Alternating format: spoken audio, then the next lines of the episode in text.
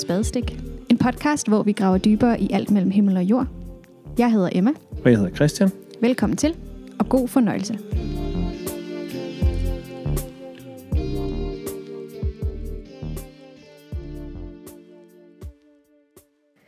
Velkommen til en episode af Spadestik, hvor vi igen har besøg af Louise Helgaard Bylund. Og øh, vi har faktisk allerede den her sæson udgivet et afsnit med hende, som handler om Judas, som var en ret sjov og spændende snak, så det kan I jo gå tilbage og lytte til bagefter. Men øh, nu skal vi i gang med noget helt andet. Måske noget på nogle punkter lidt mere hyggeligt. Mm. Men inden vi sådan for alvor dykker ned i, i det, har du så ikke lyst til lige igen lige kort fortælle, hvem du er? Jo, jeg er Louise, og jeg er ansat på Aarhus Universitet, hvor jeg underviser i Ny Testamente. Og så er jeg god ven af den her podcast. yes. yes, det er vi meget glade for. Ja, så dejligt. Ja. Og det er så fedt, fordi vi skal have et afsnit, vi ikke har haft før. Øh, altså, alle vores afsnit er jo selvfølgelig lidt anderledes, men vi skal have en julespecial. Yes. Yes. Det glæder vi os meget til. Ja. Nemlig, du skal tage lidt igennem de der julefortællinger. Ja. ja. Fordi det er åbenbart ikke kun juleevangeliet, som vi hører til gudstjeneste juleaften. Men der er åbenbart alt muligt andet spændende. Ja. ja, altså man kan sige, at sådan vores idé om julehistorien er faktisk lidt et sammensurium af de julehistorier, vi har i evangelierne. Øhm, altså vi har jo en idé om, om, så kom der nogle vise mænd, og så kom der nogle hyrder, og så var der en stald, og så var der en konge, og så skulle de til Ægypten bagefter. Og det er egentlig sådan en sammenskrivning, en evangelieharmoni mellem vores, øh, vores to julehistorier i evangelierne. Så nu prøver vi lige i dag at, at redde trådene lidt ud. Hvad er det egentlig, der står i de forskellige steder? Og så, øh, og så kan vi jo bare lige om lidt, når det er jul, og vi skal holde børnegudstjenester osv., så, så ruder vi bare det hele sammen igen og tilføjer æsler og, og alt det der, vi nu skal igen. Ikke? Mm. Så, så man skal endelig bare fortsætte med, med, med sammenrodet. Men lige, lige her, der prøver vi lige at, at, at filtre trådene lidt ud igen. Fedt. Og, ja, og hvad er det for nogle historier, der egentlig filtre sammen. Hvor kommer de fra, de ja. her historier? Altså, vi har jo fire evangelier, ikke også? Og øh, det er i to af evangelierne, hvor vi hører om det her med, hvordan Jesus bliver født, og historien omkring det. Man kan jo lige sådan, hvis vi helt skal træde, tage trådene ud fra hinanden, så har vi øh, Markus evangeliet, som er det ældste evangelie. Og der hører vi altså først om Jesus som voksen mand. Det, der, hvor vi møder Jesus i Markus evangeliet, der bliver han døbt af Johannes døber, og træder ligesom ind på scenen og ind i historien der. Så, så, så der har vi jo faktisk ikke nogen julefortælling. Så Markus evangeliet, der, der er der ikke nogen jul. Og det er som om så, at de to efterfølgende evangelier tænker, der mangler noget. Vi skal høre, hvor ham der Jesus kom fra. Vi skal da høre, hvad er, hvor, hvad er hans oprindelse på en eller anden måde. Og det er så Matteus evangeliet og Lukas evangeliet, som, som jo egentlig er genskrivninger af Markus evangeliet. Og der får vi så sådan nogle historier om Jesus' fødsel, som jo så er dem, der bliver til vores julefortællinger. Mm. Så det er i Matthæus og i Lukas evangeliet, vi har de her fødselsberetninger. Og de er altså to ret forskellige. Øhm, hvis vi starter med Matthæus, det er jo ikke den, vi læser som vores juleevangelie. Det er, en, altså det, det er fra Lukas, når vi hører det der med, at det, øh, det skete i de dage, og det er fra Lukas. I Matthæus, der får vi altså også en historie om Jesus fødsel, og der får vi historien, vil jeg sige, fra Josefs synspunkt. Vi hører, at der er en mand, der hedder Josef, og han har en forlovet, der Maria, og det viser sig, står der i Matteus evangeliet, det viser sig, at Maria er blevet, med, øh, blevet gravid med Helligånden. Vi har altså ikke nogen historie om det der med, at englen kommer og besøger Maria. Det hører vi ikke om i Matteus evangeliet. Det viser sig bare, at hun er blevet gravid med Helligånden. Og så hører vi ellers om, hvordan Josef reagerer på det. Vi hører, at han er en, en god mand, en retfærdig mand, og han beslutter sig derfor for at skulle lade sig skille fra Maria, fordi hvis hun er blevet gravid uden for ægteskabet, så har han ret til skilsmisse. Og, og han vil så han vil gøre det i al stilfærdighed. Han vil ikke udstille hende. Han er en god øh, jøde, så han vil, han, men han bliver nødt til at lade sig skille fra hende, når hun nu er blevet gravid uden for ægteskabet. Og der er det så i Matteus evangeliet, at der kommer en engel på banen. Ikke for i Marias, øh, ikke sammen med Maria, men altså sammen med Josef. Det er Josef, der har en drøm, hvor der er en engel, der træder frem og siger, at ved du hvad, Josef, bare rolig nu er vi i genfortælling her, ikke også? Bare rolig, siger englen. øh, alt er, som det skal være. Det er Helligånden, det er Guds søn, han skal fødes, og du skal bare blive sammen med Maria.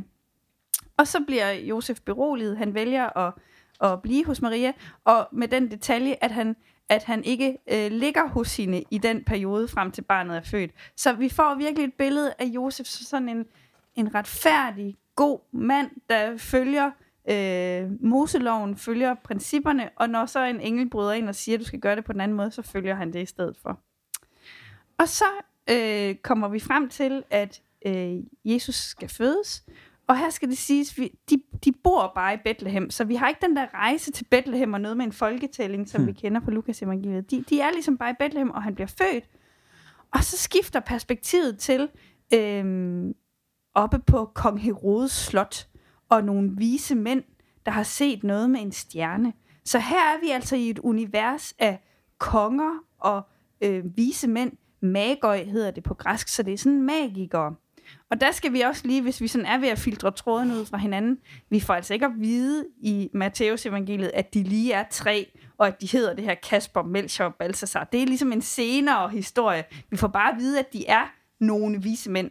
Og så får vi så at vide, at de har tre gaver med. Og jeg tror, det er derfor, det er blevet til i historien, at de var tre. Fordi hvis der er tre gaver, så må de have haft en med hver. Men vi får mm. altså ikke at vide, hvor mange de er. Men de øh, skal altså finde den her nye kongesøn, og leder jo så selvfølgelig på slottet, og kong Herodes er sådan, det er ikke her. Og de finder ham jo så øh, hjemme hos Maria og Josef. Så vi er ikke i nogen stald, vi er hjemme hos Maria og Josef.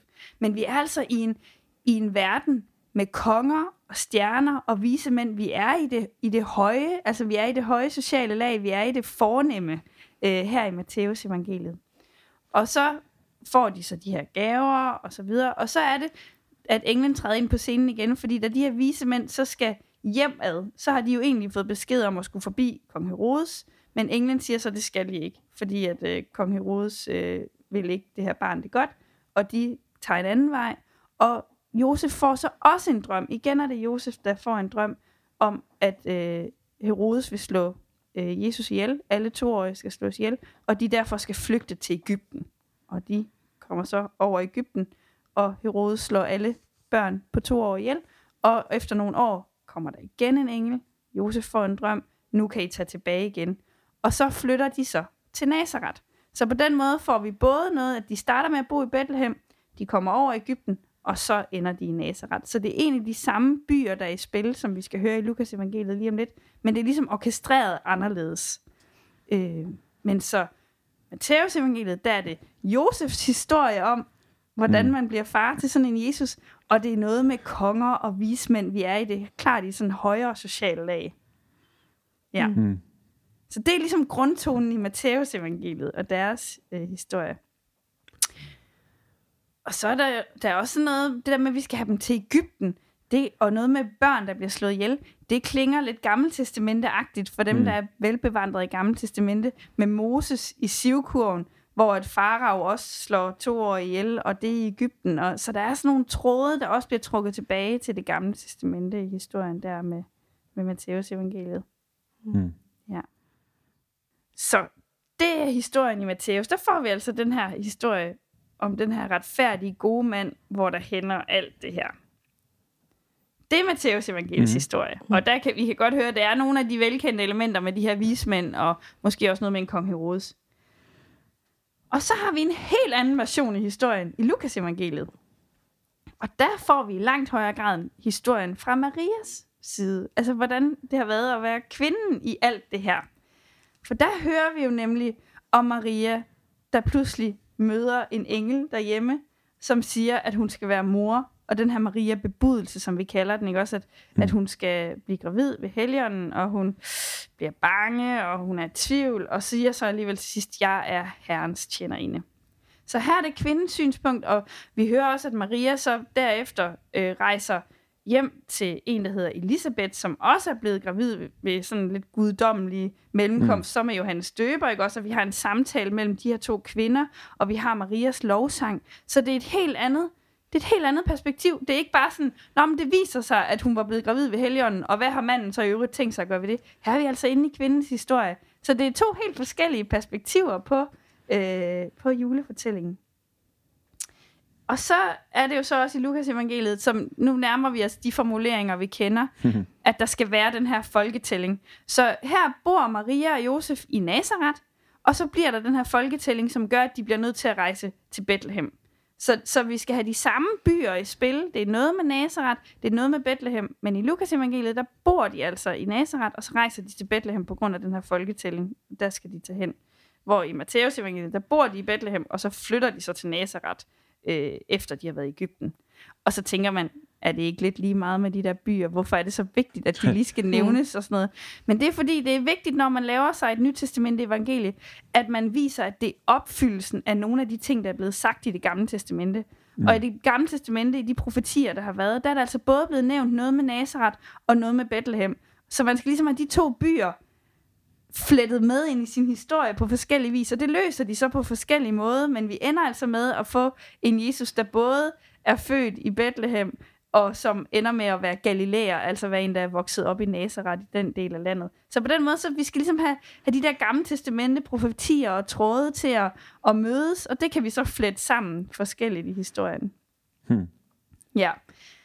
Nå, så i Lukas evangeliet, ikke også? Der kommer der jo den her folketælling, de bliver nødt til at tage til Bethlehem, og ender jo så med at skal øh, føde Jesus. Han bliver lagt i en krybbe, for der var ikke plads til dem i herbadet, lyder formuleringen. Så da vi ender altså i en eller anden form for stald med dyrs øh, foder, tro, som Jesus bliver lagt i.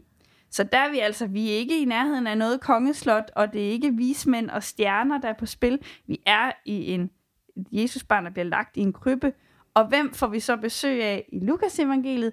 Det er hyrderne. Det er simpelthen det laveste i samfundet. Dem, som er ude på marken og som passer dyrene. Det er dem, der bliver øh, øh, barselsgæster.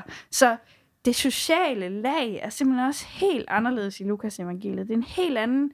Det er det nederste del af samfundet, vi, vi befærder os i her, kontra øh, Matteus evangeliet. Det er hyrder, der kommer på besøg, og som, øh, og som også er dem, der er de første til at bringe budskabet videre om Jesus. Øh, ja. Og så er det igen også ud fra Marias, altså det er Marias perspektiv mm. i Lukas evangeliet, fordi vi hører, at hyrderne er der, at de siger, hvad englene har sagt, og så at øh, Maria gemmer ordene i sit hjerte, står der i Lukas evangeliet, det hyrderne har sagt. Og det er faktisk en sætning, der går igen lidt senere i Lukas evangeliet, da Jesus har øh, været med ind til påskefejringen inde i Jerusalem og er blevet væk. Og de finder ham i templet, den historie er der nok også mange, der kender. Mm. Og så siger Jesus, hvorfor leder I efter mig? I ved da, hvor jeg er. Jeg er i min fars hus. Og der gemmer Maria også de ord i sit hjerte. Så vi hører altså igen om den her mor, den her kvinde, og hvordan man ligesom oplever at være mor til sådan et Jesusbarn. Så det er simpelthen, det er to helt forskellige historier i Matthæus og i Lukas evangeliet. Det er to forskellige hovedpersoner, en mand og en kvinde, og det er to helt forskellige sociale lag historien, ligesom figurerer i et kongeslot, vismænd kontra en, øh, noget med en stald og nogle hyrder. Så det er vores to julehistorier. Mm. Ja. Og øh, jeg, kom til at, jeg kom til at tænke på, er der sådan andre, øh, er der andre sådan store fødselshistorier i Bibelen, som du eller som vi, som vi kender til? Altså det er jo altid nemt, som du også er inde på, det mm. der med, at altså, Bibelen, de bibelske tekster er jo enormt sådan refererende til hinanden, og det er ja. hele tiden sådan små intertekstualiteter, hvis man skulle være dansklærer, mm. som jeg vist nok er uddannet i. Altså der er hele tiden sådan ting, der, der, der peger på hinanden, og, mm. og ting, der skal opfylde noget, som er skrevet tidligere. Og sådan. Er, der, er der andre sådan fødselshistorier i Bibelen, som på en eller anden måde taler ind i det her, eller er det sådan lidt en unik ting? Altså, vi har jo andre historier om nogen, der bliver gravid, fordi Gud vil det. Mm. Altså for eksempel øh, Abraham og Sara. At Sara jo er en gammel kvinde, og det er en sorg for Abraham og Sara, at de ikke har fået børn. Han har så lige fået jo med Hagar, har Abraham fået sig en lille Ismail, ikke også? Det, det endte ikke så lykkeligt, eller det gjorde det måske så alligevel. Og så Sara bliver så gravid, selvom hun griner og siger, det kan der ikke lade sig gøre. Så vi har jo andre historier, hvor mm det er Gud, der gør, at nogen bliver gravide skal have børn. Og den der Abraham-Sara-historie minder egentlig på mange punkter om den øh, Elisabeth Zacharias historie, som vi har i Lukas evangeliet, mm. som er Johannes Døberens mor og far. Det er jo en, et, gamle folk, der gerne vil have børn, som ikke kan det, og som så ligesom bliver reddet af Gud på den måde. Men det er jo faktisk ikke det, der sker i Lukas evangeliet for Maria. Hun har jo egentlig sit liv på skinner. Hun er mm. forlovet, hun er klar til at skal stifte familie med Josef. Det går, som det skal. Og så bliver hun jo faktisk væltet mm. altså af det her, der kommer. Det er slet ikke nogen hjælp i hendes liv. Det er tværtimod en kæmpe udfordring, som, som kan vælte hele hendes liv. Så, så Gud afbryder egentlig et forløb, der i forvejen kører. Øh, mm. Så det er ligesom det er, en, det er et andet slags mirakel, eller en anden historie for Maria, end det vi ellers lige kender. Mm. Ja, for man kan sige, hun har sandsynligvis været teenager, ikke? Og, ja, ja. Og, og altså med, med al med al rimelighed kunne man forestille sig, at hende og Josef selv kunne klare at få sig nogle børn. Præcis. Når, altså det er i hvert fald... Ja. Og det tyder det også på, at de fik der optrædet sådan en Jakob-figur, som er mm. Jesus' bror og sådan noget, så, så de, de havde egentlig ikke brug for hjælp, så på den måde er det, er det en lidt en anden... Nogen hjælp. det er faktisk ikke rigtig nogen hjælp. Tværtimod ja. står hun jo på randen af skilsmisse i, i Matteus evangeliet, ikke også, at, jo, at jo, Josef vil gå fra hende, mm. altså fordi det her det er sket. Så, så det er... Øh, ja. Mm. Ja, det der med, at det altså ved ved ånden, at hun bliver gravid. Ja. Og sådan hele, det bliver også sådan lidt et, et sjovt spænding mellem ånden og så Josef, som alligevel går ind ja. og agerer far. Og sådan. Hvad, ja. altså, hvorfor er det så vigtigt, at det er, er ved ånden? At det netop ikke bare er, altså, er et almindeligt menneske, som pludselig også forresten ja. lige var. Ja. Altså, der er jo et eller andet med en forhandling af, hvornår Jesus bliver noget særligt. Og nu sagde jeg det her med, at i Markus evangeliet, der, der begynder evangeliet jo egentlig bare med, at Jesus bliver døbt.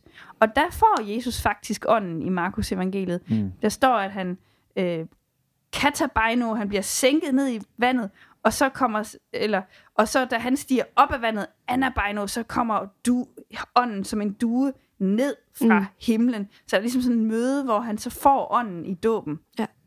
Og der er det jo anderledes her i Matthæus og Lukas. Der får vi ligesom forskubbet øh, kronologien, så ånden og det, at Jesus er noget særligt og er den her frelserfigur, det er allerede fra hans undfangelse, eller fra, fra han var et foster, at han bliver noget særligt. Så, så det skubber sig ligesom bagud i livsforløbet, hvornår Jesus er noget særligt.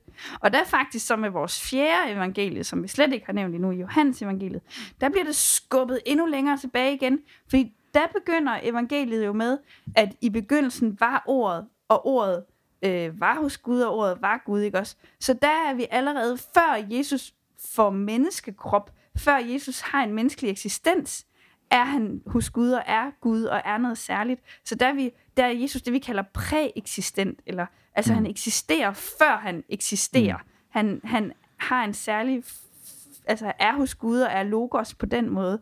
Øh, så vi får, vi får ligesom skubbet øh, det guddommelige længere og længere tilbage i Jesus livsforløb over evangelierne. Mm.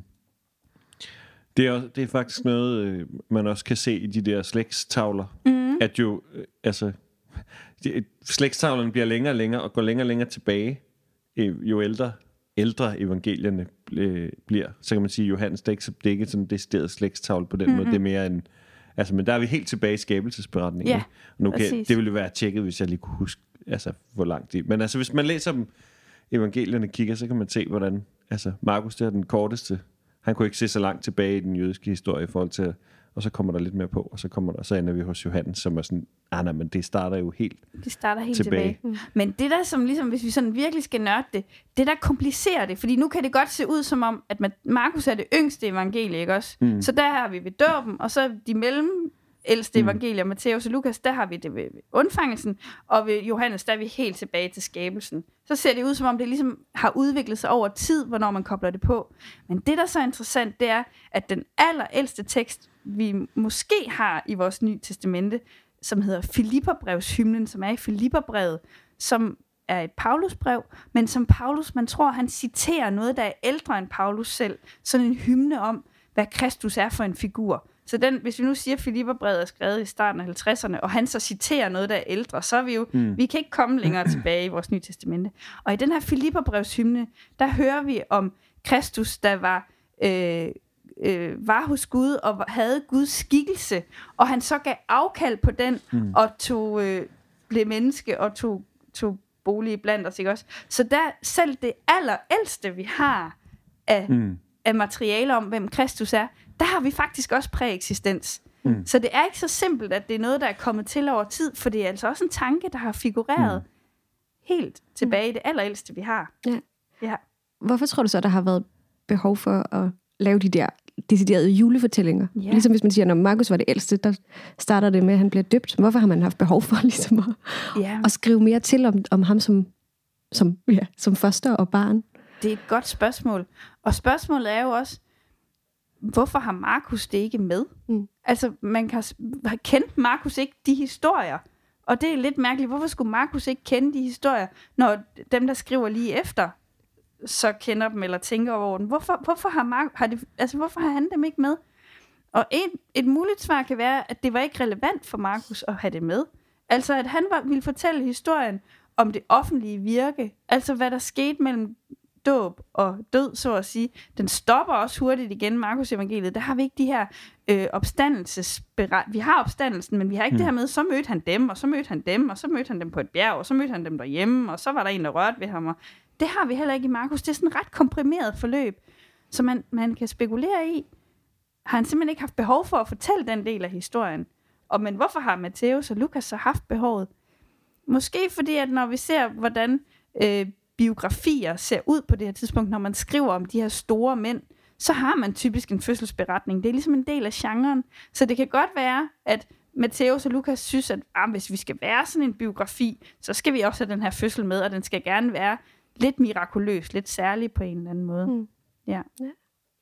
Og det der med, du, altså, det var, der, da du fortalte det, det, det var meget sådan, det slog mig virkelig, det der, ja, det der to forskellige samfundslag. Mm-hmm. At, at der, ja, hvorfor har Matthæus ligesom ville have, Mm-hmm. have det høje med, og Lukas have det lave? Altså, det, det er klart en tendens hos Lukas at have sådan Mm. mm. et socialt blik på tingene. Vi har også en lignelse, der hedder om den, om den rige mand og Lazarus, hvor vi hører om en, en, øh, en fattig mand, der ligger uden for en rig mands dør og ikke har noget. Han bliver bare slikket på af hunde og har ingenting. Og så dør de, og så kommer den rige mand i en eller anden form for helvede, og Lazarus ender i Abrahams skød.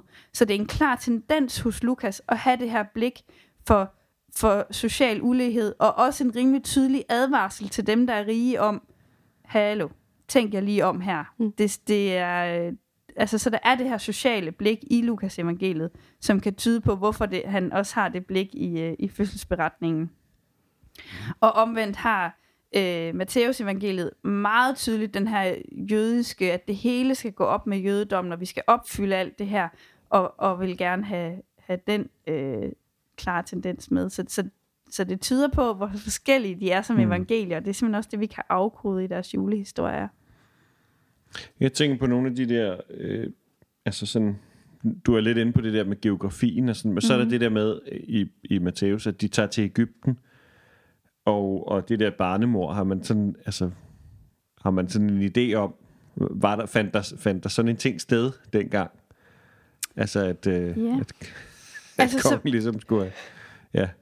Altså, så vidt jeg ved, har vi ikke sådan lige historiske kilder, der siger, at, at præcis det der øh, barnemor fandt sted, men, men vi har jo sådan en historie om, at, at, det, at det er ligesom et værktøj på en eller anden måde. Men jeg tror, at i Matteus evangeliet må vi nok se det som sådan en genfortælling af Faraos barnemor, øh, ja. da Moses er barn. Det er nok det er, den, det er de associationer, der skal, der skal vækkes hos modtagerne af Matteus evangeliet, mere end det sådan er historisk faktuelt. ja. Og, og hvad er det, det skal fortælle om Jesus? Altså hele den der, hvorfor det blev det der Moses uh, trukket Ja, frem? men der er jo sådan noget i Matteus evangeliet, sådan en kode omkring, at, at Jesus er, jeg ved ikke om en ny Moses, men, men vi skal tænke på Moses, når vi også tænker på Jesus. Han øh, er det her med barnemordet og Ægypten og så videre, og så den første store scene i Matteus evangeliet er en bjergprædiken, hvor Jesus står på et bjerg og taler om den gamle Moselov og siger, der skal ikke gå en tødel af loven, der skal ikke gå en fli af loven, den skal opfyldes, og den skal radikaliseres endnu mere. Så der er noget med at stå på bjerge og tale, og det gør Moses jo også. Der er jo også noget med Moses og bjerge og forbindelse til Gud, og Moses har fået loven, som Jesus nu skal opfylde. Og, så der skal mm. laves en skarp kobling mellem de to figurer i Matteus evangeliet. Ja, og den ligger jo også, det, det er måske en helt anden episode, man kunne lave en dag, men, men den læner sig jo lidt ind i også at, altså sådan, at blive klar over, at påsken finder sted i påsken, Mm. og ikke, øh, altså, vores teologi har, har måske lyttet som om, den kunne have fundet sted på et andet tidspunkt, men den finder faktisk sted i påsken. Og, og er sådan den der kobling mellem den jødiske påske og, mm. og, og det, som Jesus gør i påsken, at det er, ja, og det har jo alt med, med Moses at gøre også, kan man sige. Fuldstændig. Det tyder på et påskeafsnit. Ja, det, må, det kunne godt være, at man skulle simpelthen lave sig en, en påskespecial, Ja, ja, som kunne komme ud sådan i løbet af påsken. Det var der faktisk en, det er et lidt åben redaktionsmøde her. øhm, så, så man kan sige det, så ja, det er jo, og det er jo også et, det er jo også et, et altså det er nok ikke overraskende for nogle af vores lyttere, men altså det er jo også et bestemt bibelsyn, hvor man siger, øh, når Matthæus fortæller om et barnemor, så er det nok mere, øh, så er det nok mere Matthæus, der laver teologi, Mm. øh, end det er Matthæus, der fortæller faktuelt, hvad skete der så, og hvad skete der bagefter, og hvem gjorde hvad, og hvor tog de hen. Øh, det skal man jo bare være bevidst om.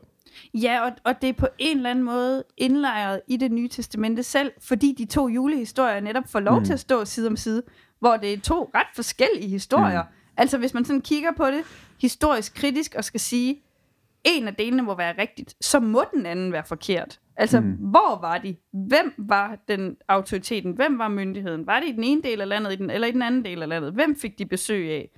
Det, det kan vi jo ikke afgøre, og derfor tænker jeg, det er meget mere frugtbart at betragte det som ja, interessante teologiske fortællinger, fortællinger om at være menneske og forskellige vinkler på det, end at ville insistere på, hvis den ene har ret, så tager den anden fejl. Og mm. hvad for en er så den rigtige? Det kan vi jo. Så, så ender vi enten i spekulation, eller i bare afvise det. Og så går vi glip af så meget spændende i de historier. Mm. Mm. Altså. Ved du egentlig, hvorfor det er lige nøjagtigt Lukas-udgaven, vi lytter til til jul? Altså mig bekendt, så skifter man heller ikke. Nej. Mellem. Det er kun Nej, Lukas. det er, altså, det er, ja. Lukas, der er vores juleevangelie. Ved du? Prædiker man ikke, kan man ikke selv vælge juleaften? Altså nu er jeg jo ikke fra en tradition, hvor man får... øh, Nu er vi inde i sådan noget folkekirke, kirkeret. Uh, det, altså, Altså, jeg tror enten selv, man kan vælge, okay. eller også så skifter de år fra år til år. I de to forskellige teksttrækker. Altså, nu taler jeg om noget, jeg ikke ved noget. Nej, jeg tror måske, vi alle sammen er lidt på bare bund her.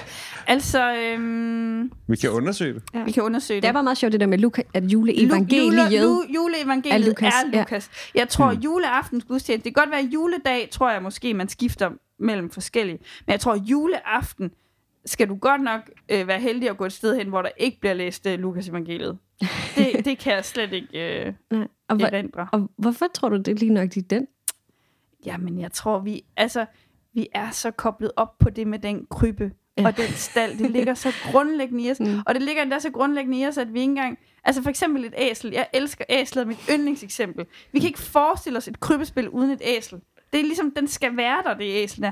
Det står der jo ikke en kæft om nogen steder om noget æsel, men det har ligesom bare, det har bare snedet sig ind, så det er ligesom, det er jo ideen om vores julefortælling der, Mm. mm. og den er jo vokset med alle mulige elementer, øh, også det der med, vi eneste vi ved, at han bliver lagt i en krybbe, for der var ikke plads i herbadet, men hver af os kan jo se den samtale for os, Josef der pisker rundt og prøver at finde et sted, hvor de kan være, og en, her, en kroejer, der siger nej, og Hmm. altså det er jo, ja, den er jo vokset så dejligt meget, den julefortælling, mm. og jo netop også kobler de to historier, så vi både får besøg af hyrder, og så er vismænd, og så er det, og så er det, så det. Mm. Mm. Ja, den har jo virkelig, øh, den har sit helt eget juleliv.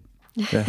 Og i mellemtiden kan jeg sige, at, øh, at det er skam rigtigt nok, man kan selv vælge. Man kan selv vælge. Der, bliver nok ikke, der er nok overvægt af, af Lukas ja. valg. Altså, jeg vil i hvert fald sige, hvis der er nogen, der læser andet juleaftens gudstjeneste, så meld ind, fordi det tror, det tror simpelthen, det er de færreste. Ja. Det vil jeg da gøre i år så. Ja, gør det. Tag Josefs historie. Ja. Barnemordet. Barnemordet. Justice for Joseph. Ja. Men, og der er jo også ting, vi jo så altid vælger fra. For eksempel så er det jo, øh, at i Lukas evangeliet hører vi et par dage efter hans øh, fødsel, at han bliver omskåret. Mm. Det er sjældent den del er med i, øh, i, krybespillene og i børnebiblerne Ja. og så videre, ikke også?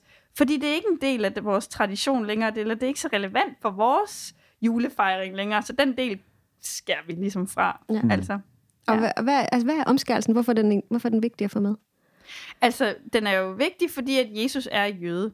Og det er en del af pakstegnet, eller den største del af pakstegnet mellem øh, israelitterne og Gud. Det er en aftale, han laver allerede med Abraham, at man på 8. dagen skal omskære sine sønner. Så det, så det er et tydeligt tegn om, at Jesus er jøde.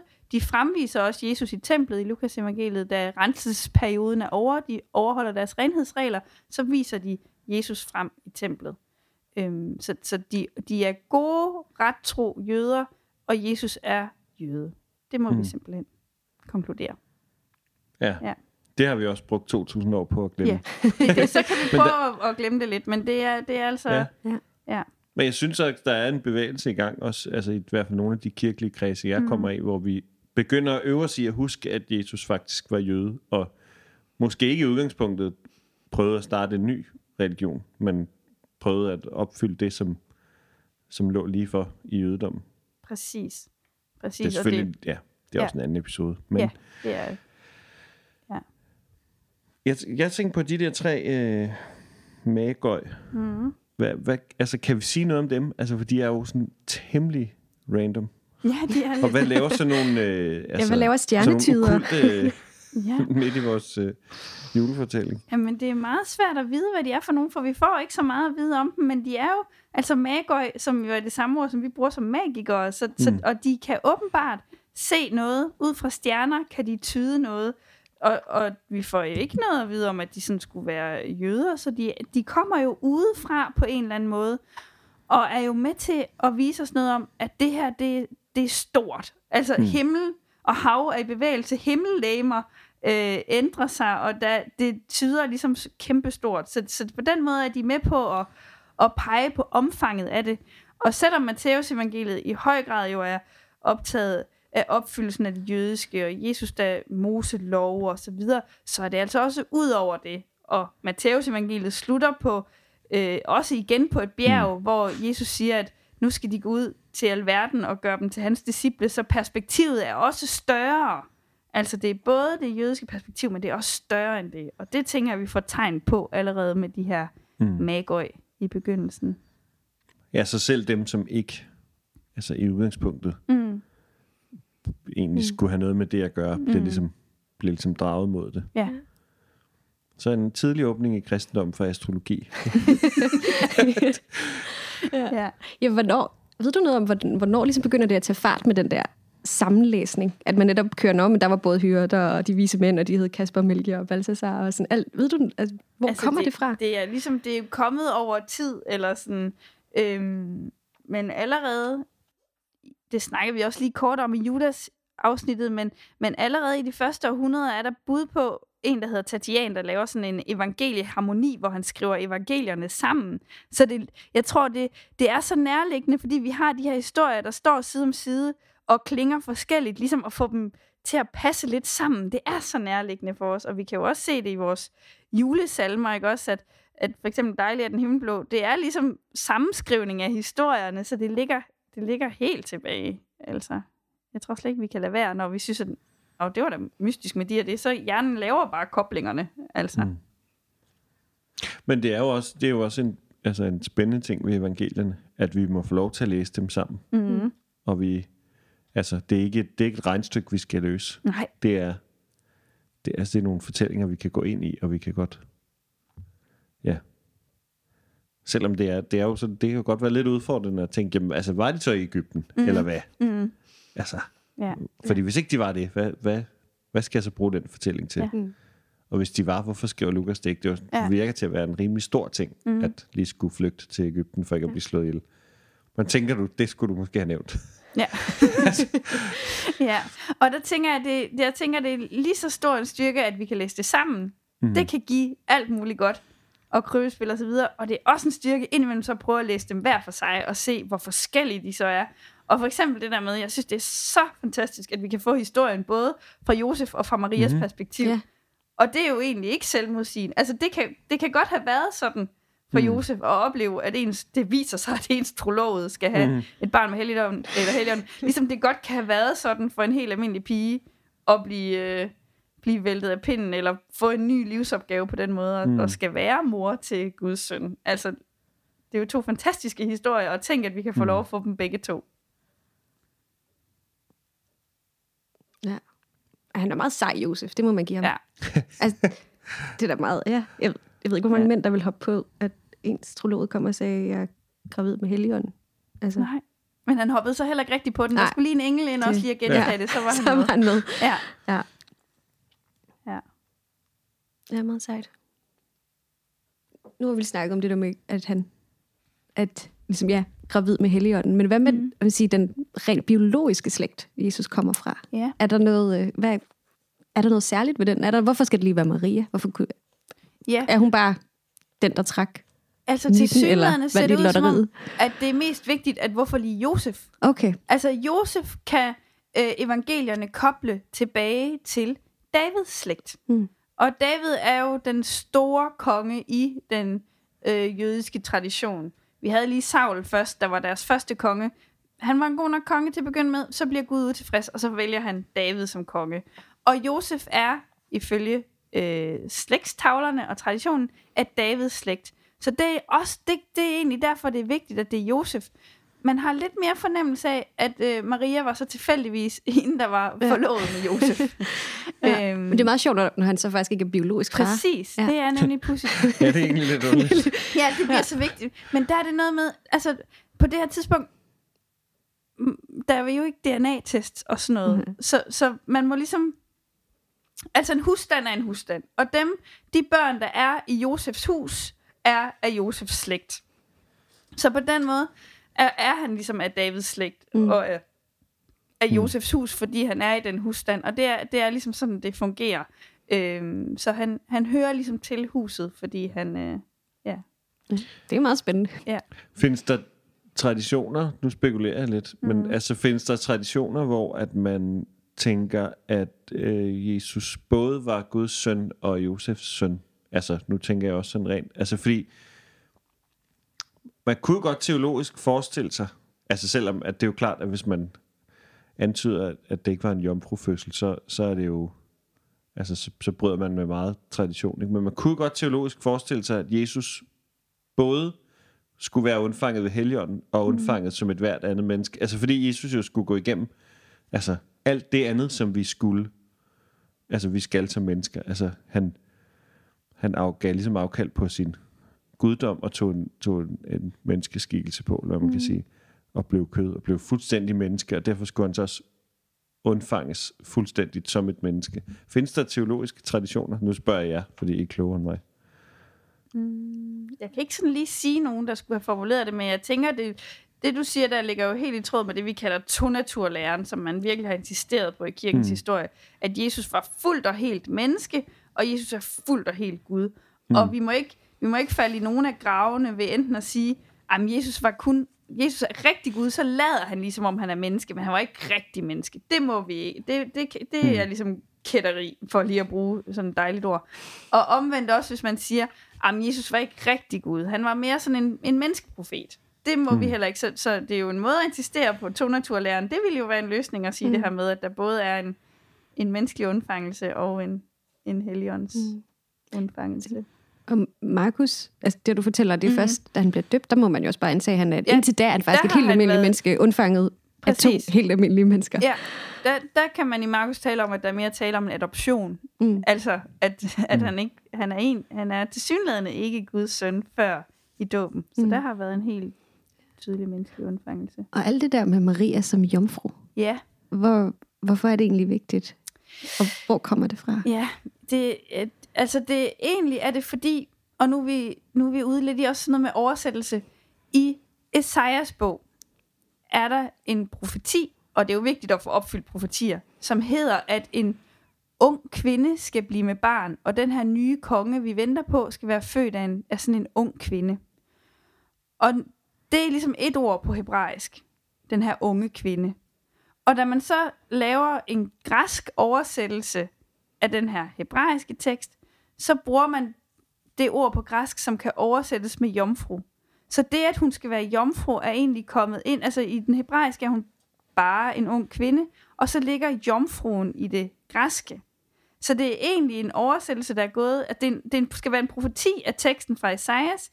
I den græske tekst er den er hun en jomfru, og i den hebraiske er hun bare en, bare en ung kvinde. Så, så det med jomfru, at det er det, der hun skal være, det, det ligger egentlig i det græske ord, der bliver brugt der tilbage. Og det giver for eksempel problemer, når vi skal oversætte på dansk nu, fordi der vil man jo oversætte øh, Gamle Testamente. I Esajas-teksten vil man oversætte fra hebraisk. Det er sådan, vi oversætter det fra hebraisk fra Gamle Testamente. Så der skal man egentlig jo skrive ung kvinde. Og når man så oversætter i øh, for eksempel Matteus evangeliet, hvor, man, hvor han citerer Esajas og bruger det græske jomfruord der, så, mm. så bliver citatet faktisk ikke det samme. Det bliver ikke det samme, der bliver sagt Nej. i Gamle og Nye Testamente, fordi det er to forskellige sprog, vi oversætter fra. Så det med jomfru, det er kommet ind som en græsk oversættelse af det hebraiske. Nu blev det lidt nørdet. Ja. Og det er jo igen også oppe i, øh, oppe i den gode metahelikopter, så er det jo Ja. igen også der, hvor at, altså, der ligger så meget nedenunder de der bibelske tekster. Ja. Bare, bare det, at for eksempel, at man, at man kendte til det gamle testamente, mm. men at man brugte også et, altså en, en græsk oversættelse. Altså, de havde, de, samme, de havde det samme bøvl, som vi har i dag. Det er præcis det samme bøvl. Det stopper aldrig med den bibel. Den bliver ved med at være noget bøvl. Ja, Ja, og det er også derfor, vi synes, det er sjovt at snakke om. præcis. Ja, vi kan blive ved jo. Ja, Ja. det er jo det. Ja. Sjovt. Ja. Er der noget, ja. ja. noget, noget, vi skal have med på falderæbet? En eller anden guldkorn fra, øh, fra julens evangelier? Guldkorn for julens evangelie. Nej, men jeg tænker, hvis man nu her henover... Øh, for eksempel kunne man måske en lille adventskalender eller et eller andet. Prøv lige at sætte jer ned og læs øh, evangeliernes begyndelse. De fire evangelier, mm. det passer lige med fire adventssøndage. Prøv lige at sætte jer ned og læs, hvordan historien om Jesus begynder forskelligt. Fordi nu har jeg genfortalt det her, men Mm. det, det, giver, det er altså spændende at læse det. Det var et godt guldkorn. Ja. Hermed givet videre. Hermed givet videre. Jamen, så vil vi runde af med, med det gode råd. Og ellers tusind tak, fordi du har lyst til at komme og lave en julespecial med os. Ja, tak, og god dejligt. jul. Ja, god jul. Glædelig jul. ja. Eller, det er, jo, det er jo kun advent endnu, og Ja, ja, advent ja. og jul er jo ikke det Nej, samme. det er, jo, det er jo nemlig det. Der er derfor, vi ikke skal sige glædelig Glæde- jul. Det må vi heller ikke. God adventstid Ja. til dig, der lytter med. Ja, tak fordi du lyttede med. Og som altid, så er vi meget åbne for ris og ros og forslag til emner og personer, vi kan tale med. Så det, øh, kontakt os endelig. Og ellers så, øh, Christian, tak fordi du var med os. Som altid. Ja, så tak. Dejligt, du var med. Jamen, tak for det. Ja, og øh, vi lyttes ved en anden gang.